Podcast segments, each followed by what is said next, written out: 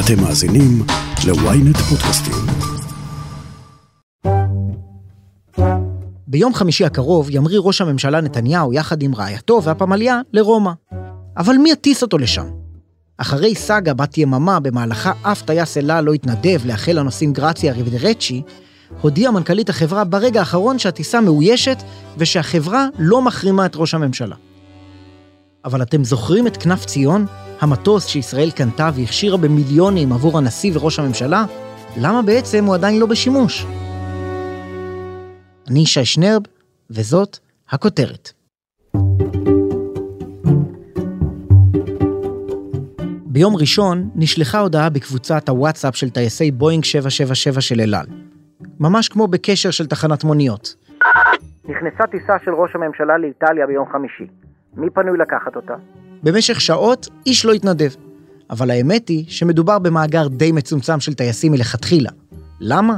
הנה דניאל סלמה, כתב התעופה של ynet. העניין הוא שבחלק מטיסות ראש הממשלה, במכרז שמגיע לחברות התעופה, יש סעיף שקצת מגביל אותם. הסעיף הזה דורש שבמטוס שיפעיל את הטיסה, יהיו מושבי ביזנס עם האפשרות לכוונן אותם בצורת אה, מיטה, כלומר מושב שנשען עד הסוף, 180 מעלות והוא פלט. אני פותח סוגריים רגע, דניאל. התנאי הזה היה קיים גם בתקופת בנט ולפיד כראשי ממשלה? בעיקרון מי שמזמין את הטיסה יכול לשים איזה תנאי שהוא רוצה, אתה יודע, זה, זה שלו בסוף. בטיסה הנוכחית לרומא הייתה הבקשה הזו ולכן זה הגביל את אל על מאוד. למעשה יש רק שני מטוסים בצי של אל על, ה-787 וה-777 שיש בהם את המיטה המתכווננת. עכשיו כדי לסבך את העניינים עוד יותר, הייתה גם דרישה ספציפית למטוס הבואינג 777 שהוא אמנם ישן יותר, נשן הרבה יותר מה-787 אבל הוא אה, מטוס מאוד גדול ומרווח, יש בו אפשרות לשים חוצץ כמעט מלא בין אה, כל מושבי הביזנס לבין שאר המטוס ולמעשה לבצע מין נתק בין אה, ראש הממשלה והסביבה הקרובה שלו לבין מי שמתלווה אליהם לנסיעה. זה כמובן נותן גם מקסימום נוחיות ופרטיות. עכשיו זה שם את אל על בסיטואציה בעייתית כי ה-777 זה צי שהוא חצי ממנו מושבת באל על, כל הצי היה מושבת בזמן הקורונה ורק לאחרונה התחילו להחזיר אותם. לכן גם אין להם הרבה טייסים כשרים להטיס אותו, גם בלי קשר לראש הממשלה, גם אם אל על היו רוצים להעלות את כל המטוסים לאוויר, הייתה להם בעיה, אין להם מספיק טייסים. והם כנראה לא ממש שיתפו פעולה עם ההצעה להטיס את ראש הממשלה, ולכן נוצר מצב שפשוט אין איוש לטיסה עד שמנכ"לית החברה הודיעה שהצליחו להתגבר על הקשיים ואישו את הטיסה. וזה קורה רק אחרי שמשרד ראש הממשלה פותח מכרז גם לחברות התעופה הישראליות האחרות, כלומר הוא לחץ על אל על, אז מה, כפו על אחד הטייסים, אדוני קח את הטיסה הזאת? כן, משרד ראש הממשלה הוציא הודעה בערב שבכוונתם לפתוח את המכרז לארקיע ו- וישראל, אבל עכשיו צריך להבין שבמידה ואכן היה יוצא לישראל וארקיע, זה אומר שהדרישה של משרד ראש הממשלה למושבים מתכווננים צריכה להיות מבוטלת, כי אין בישראל ואין בארקיע אף מטוס שיש בו מושב מתכוונן לכדי מיטה. שאלתי אותם אם פנו אליכם, הם אמרו שלא, עד, עד הערב אף אחד לא פנה אליהם להכין טיסה לראש הממשלה, למרות שיש להם ניסיון בהטסת נשיא המדינה, שרים וח"כים. מה שעשו באל על כדי לאייש את הטיסה בכל זאת, הם לא כפו על אף אחד, פשוט איישו מחדש את הטיסות של ה-777 בטייסים אחרים. גם צריך להבין שיש כאן עניין לחצני מאוד גדול וחשוב עבור אל על, הם לא רוצים להצטער בתור החברה שסירבה להטיס את ראש הממשלה, כי הם מנסים מאוד לשמור על עצמם מחוץ לשיח הפוליטי, מחוץ לכל מה שקורה כרגע במדינה.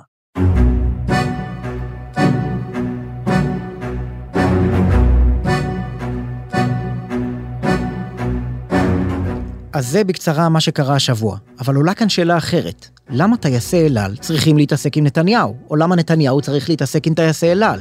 כשיש לו מטוס מוכן, המטוס של לפיד קרקע.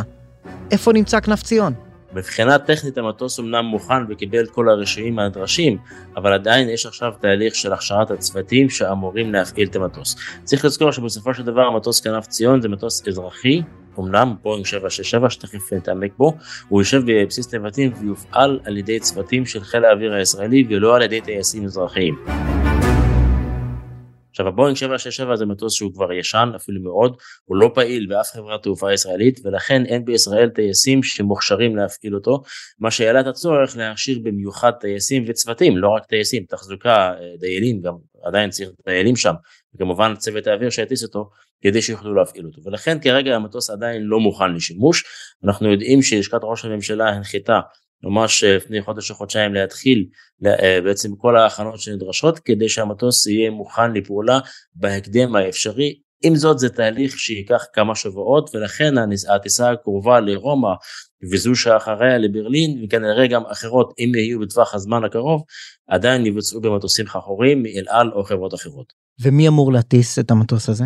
טייסי חיל האוויר, בסדיר ומילואים. התהליך הזה עובד כרגע בתהליך ההכשרות של הטייסים, אנחנו יודעים שמספר טייסים כבר יצאו לבצע טיסות אימונים וסימולטורים בארצות הברית על הדגם הספציפי כדי שיוכלו להטיס אותו. כרגע זה עדיין אה, תהליך שנמשך, הם עוד לא מוכנים לטוס אותו, אין להם עדיין את ההכשרות והרשיונות שנדרשים. אין צפי כרגע, גם חשוב להבין, אף אחד לא יודע להגיד, אה, לתת דדליין אה, שבו מטוס יהיה מוכן וכשיר, הערכות יש שזה ייקח כמה שבועות. טוב, בוא נדבר על כנף ציון, על המטוס עצמו, מה יש בו? המטוס עצמו הוא בואינג 767 אה, זה לא אומר לך הרבה אז אני אסביר עליו שמדובר במטוס נורא נורא ישן למעשה הטיסה האמיתית בין מרכאות המסחרית האחרונה שלו כמטוס נוסעים הייתה בשנת 2006 באוסטרליה. ואם מישהו נכנס היום פנימה לתוך המטוס מה הוא רואה? אז יש לנו מטוס שהוא נורא ישן אבל בהוויה שלו מאוד פרקטי, כלומר אם אתה נכנס למטוס אתה לא תראה שם מושבי אור מפוארים ולא יודע ואין לך הוויה של מטוס פרטי מפואר.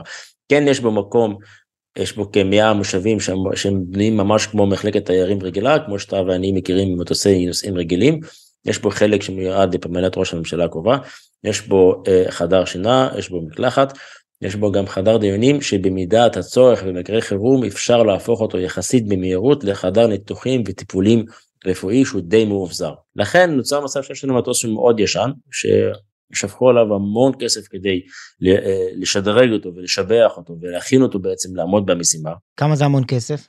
התקציב שאושר על המטוס לחמש שנים כולל תפעול וכולל ההשבחה שעברה בתעשייה העברית הוא באזור ה-750 מיליון. שקל, לא דולר.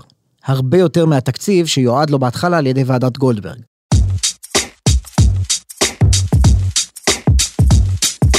דוח מבקר המדינה מצא שורה של ליקויים בכל תהליך הרכש של המטוס הישן הזה. סחבת של שלוש שנים, בין השאר בגלל עניינים ביזאריים כמו שאלות של עיצוב פנים, גימור וגוונים, וגם כל מיני הוצאות מיותרות או מגוחכות, הגבהת התקרה ב-15 מיליון שקל, או איך שכחו לחשב את המע"מ וזה עלה כמעט 140 מיליון שקל נוספים. זאת הסיבה שכנף ציון הפך גם סמל לוויכוח פוליטי, וראש הממשלה הקודם העדיף להיפטר ממנו. הודעה קצרה, ומיד נמשיך עם הכותרת. ynet פלוס החדש עם הסיפורים הכי מעניינים ומיטב הכותבים.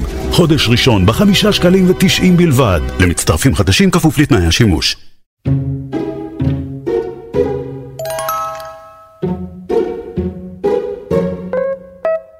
אני חושב שאת המטוס הזה צריך למכור. המטוס הזה הוא בעיני אנשים רבים, גם בעיניי סמל לכל מה שהיה מושחת ובזבזני בממשלה הקודמת. בנוסף לזה זה יעלה יותר מכל חכירת מטוסים שהממשלה הזאת תעשה. דוח המבקר שיצא בדיוק לפני שנה גם הציג השוואה. כמה תעלה חכירת מטוסים מול שימוש בכנף ציון. הכותרות בתקשורת אז דיברו על כך שטיסה בכנף ציון יקרה פי שניים. אבל מדובר, צריך לומר, בחישוב שכולל את המיליונים שכבר הושקעו. בהינתן המצב הקיים, טיסה במטוס ראש הממשלה תעלה לו רק כעשרה אחוז יותר בממוצע מטיסה חכורה. בקיצור, צריך פה אחד שיודע. מישהו כמו נרי ירקוני. אתה מציג אותי כמנהל רשות התעופה לשעבר, טייס, אלוף משנה במילואים.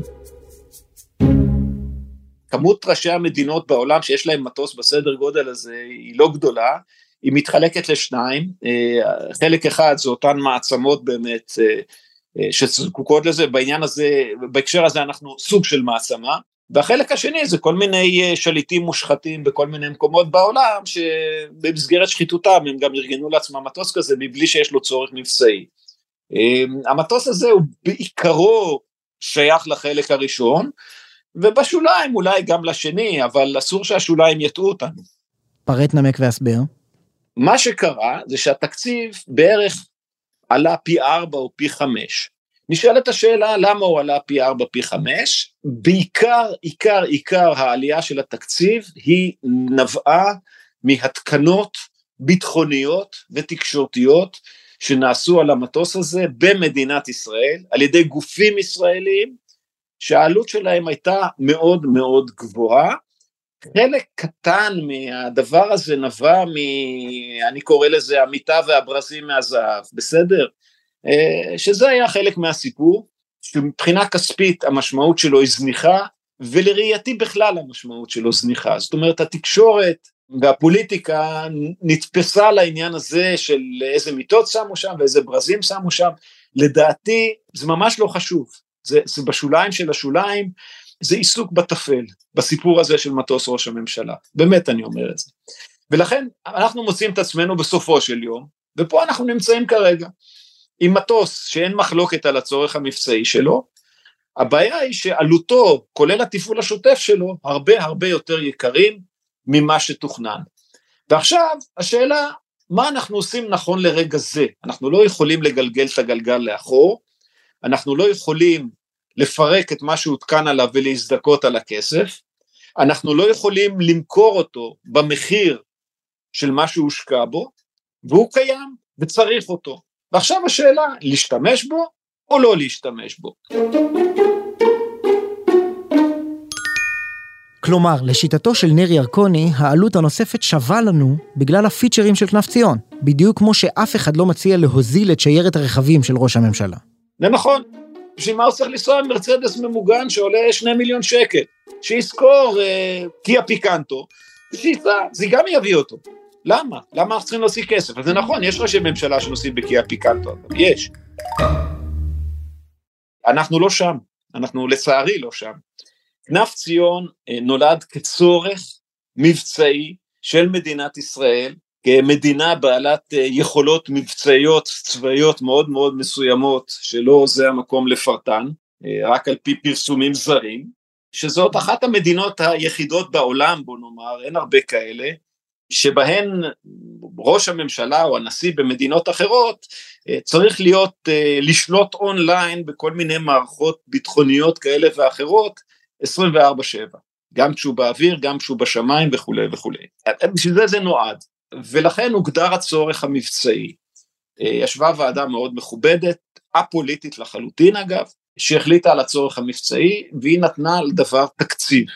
עד כאן הכל בסדר, אין מחלוקת. עכשיו, מפה והלאה זה מתחלק לשניים, מתחלק לצורך המבצעי ומתחלק לתקצוב. הצורך המבצעי היה וקיים ולא השתנה ממועד ההחלטה ועד לרגע זה. אני עוצר אותך רגע בשביל שאלה טכנית. כיום, כשראש הממשלה יטוס לרומא או לברלין בשבועות הקרובים, לא תהיה לו דרך לתקשר עם ירושלים? תהיה לו דרך בוודאי לתקשר עם ירושלים, תהיה לו דרך לתקשר עם כל העולם מהמטוס, כי בכל מטוס היום של אל על אפשר לתקשר בכל זמן. התקשורת היא לא תקשורת מוצפנת, בוא נגיד.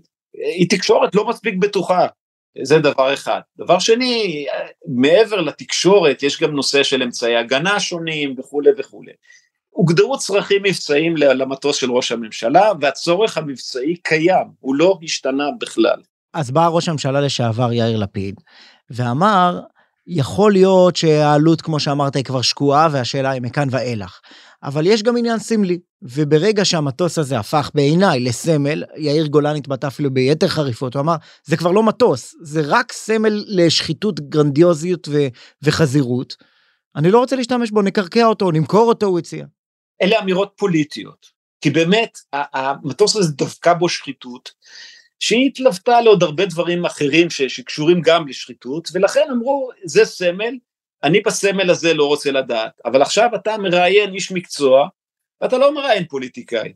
ואני כאיש מקצוע בתעופה, וגם קצת בביטחון, אני חושב שנכון לרגע זה צריך להשתמש בו, ואני אתן דוגמה שכולנו נבין אותה.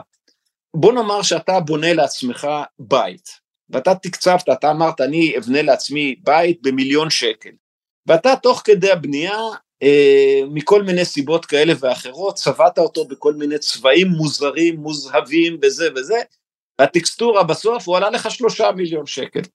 אבל אם אתה תמכור אותו, אתה תמכור אותו במיליון שקל, כי זה מה שהוא שווה, הוא לא שווה את הדברים המיוחדים ששמת עליו. ואני אשאל אותך, תגיד, אז עכשיו אתה תמכור אותו במיליון שקל, או שתגור בו עם השלושה מיליון שקל עם מה שדחפת לו? אתה תגיד, אני, ודאי שאני כבר אגור בו, אני כבר השקעתי את הכסף, אז מה אני אמכור אותו? אותו דבר גם פה. ועדיין, עצם העובדה שטיסה ממוצעת בכנף ציון עולה יותר מטיסה חכורה, אפילו קצת, זה לא דבר שמטריד אותך? בוא נגיד שזה נכון, אני לא בטוח שזה נכון, ואפשר לטפל בזה, זאת אומרת אפשר, אפשר להוזיל את העלות השוטפת של המטוס הזה, כמו שבמקרים אחרים העלות השוטפת של טיסה אחרת, אבל אני אתן לך דוגמה ממה שקורה ביום חמישי הקרוב, יום חמישי הקרוב לפי מה שפורסם, ראש הממשלה הולך לטוס ברומא עם מטוס מסוג 777, שעלותו יותר יקרה מהעלות של תנת ציון, כי ההשוואה הייתה למטוס 737, שהוא זה שצריך לטוס לרומא. כי ב-777 יש פסיליטיז כאלה ואחרים שנוגעים לישון, לא לישון, לא חשוב, לא ניכנס להצדקה של העניין, רק לסיפור עצמו. ולכן אתה, השאלה למה אתה משווה, זה אני נוגע בחלק הראשון, האם ההשוואה היא נכונה בכלל, אבל בוא נגיד שאתה צודק, בוא נגיד שהעלות השוטפת עולה כפול מהמטוס הכי יקר של אל על, בסדר? ובוא נגיד עכשיו לצורך הדיון שבאותה טיסה ספציפית יש כרגע מצב ביטחוני נתון מסוים שראש הממשלה צריך להיות במטוס שהוא גם מוגן מפני פגיעות והוא גם מבחינה תקשורתית מוצפן וב-state of the art מבחינה תקשורתית. נגיד שיש צורך כזה כרגע, בלי קשר למי זה ראש הממשלה בכלל. יש לזה מחיר? נרי ירקוני, תודה רבה. יום טוב.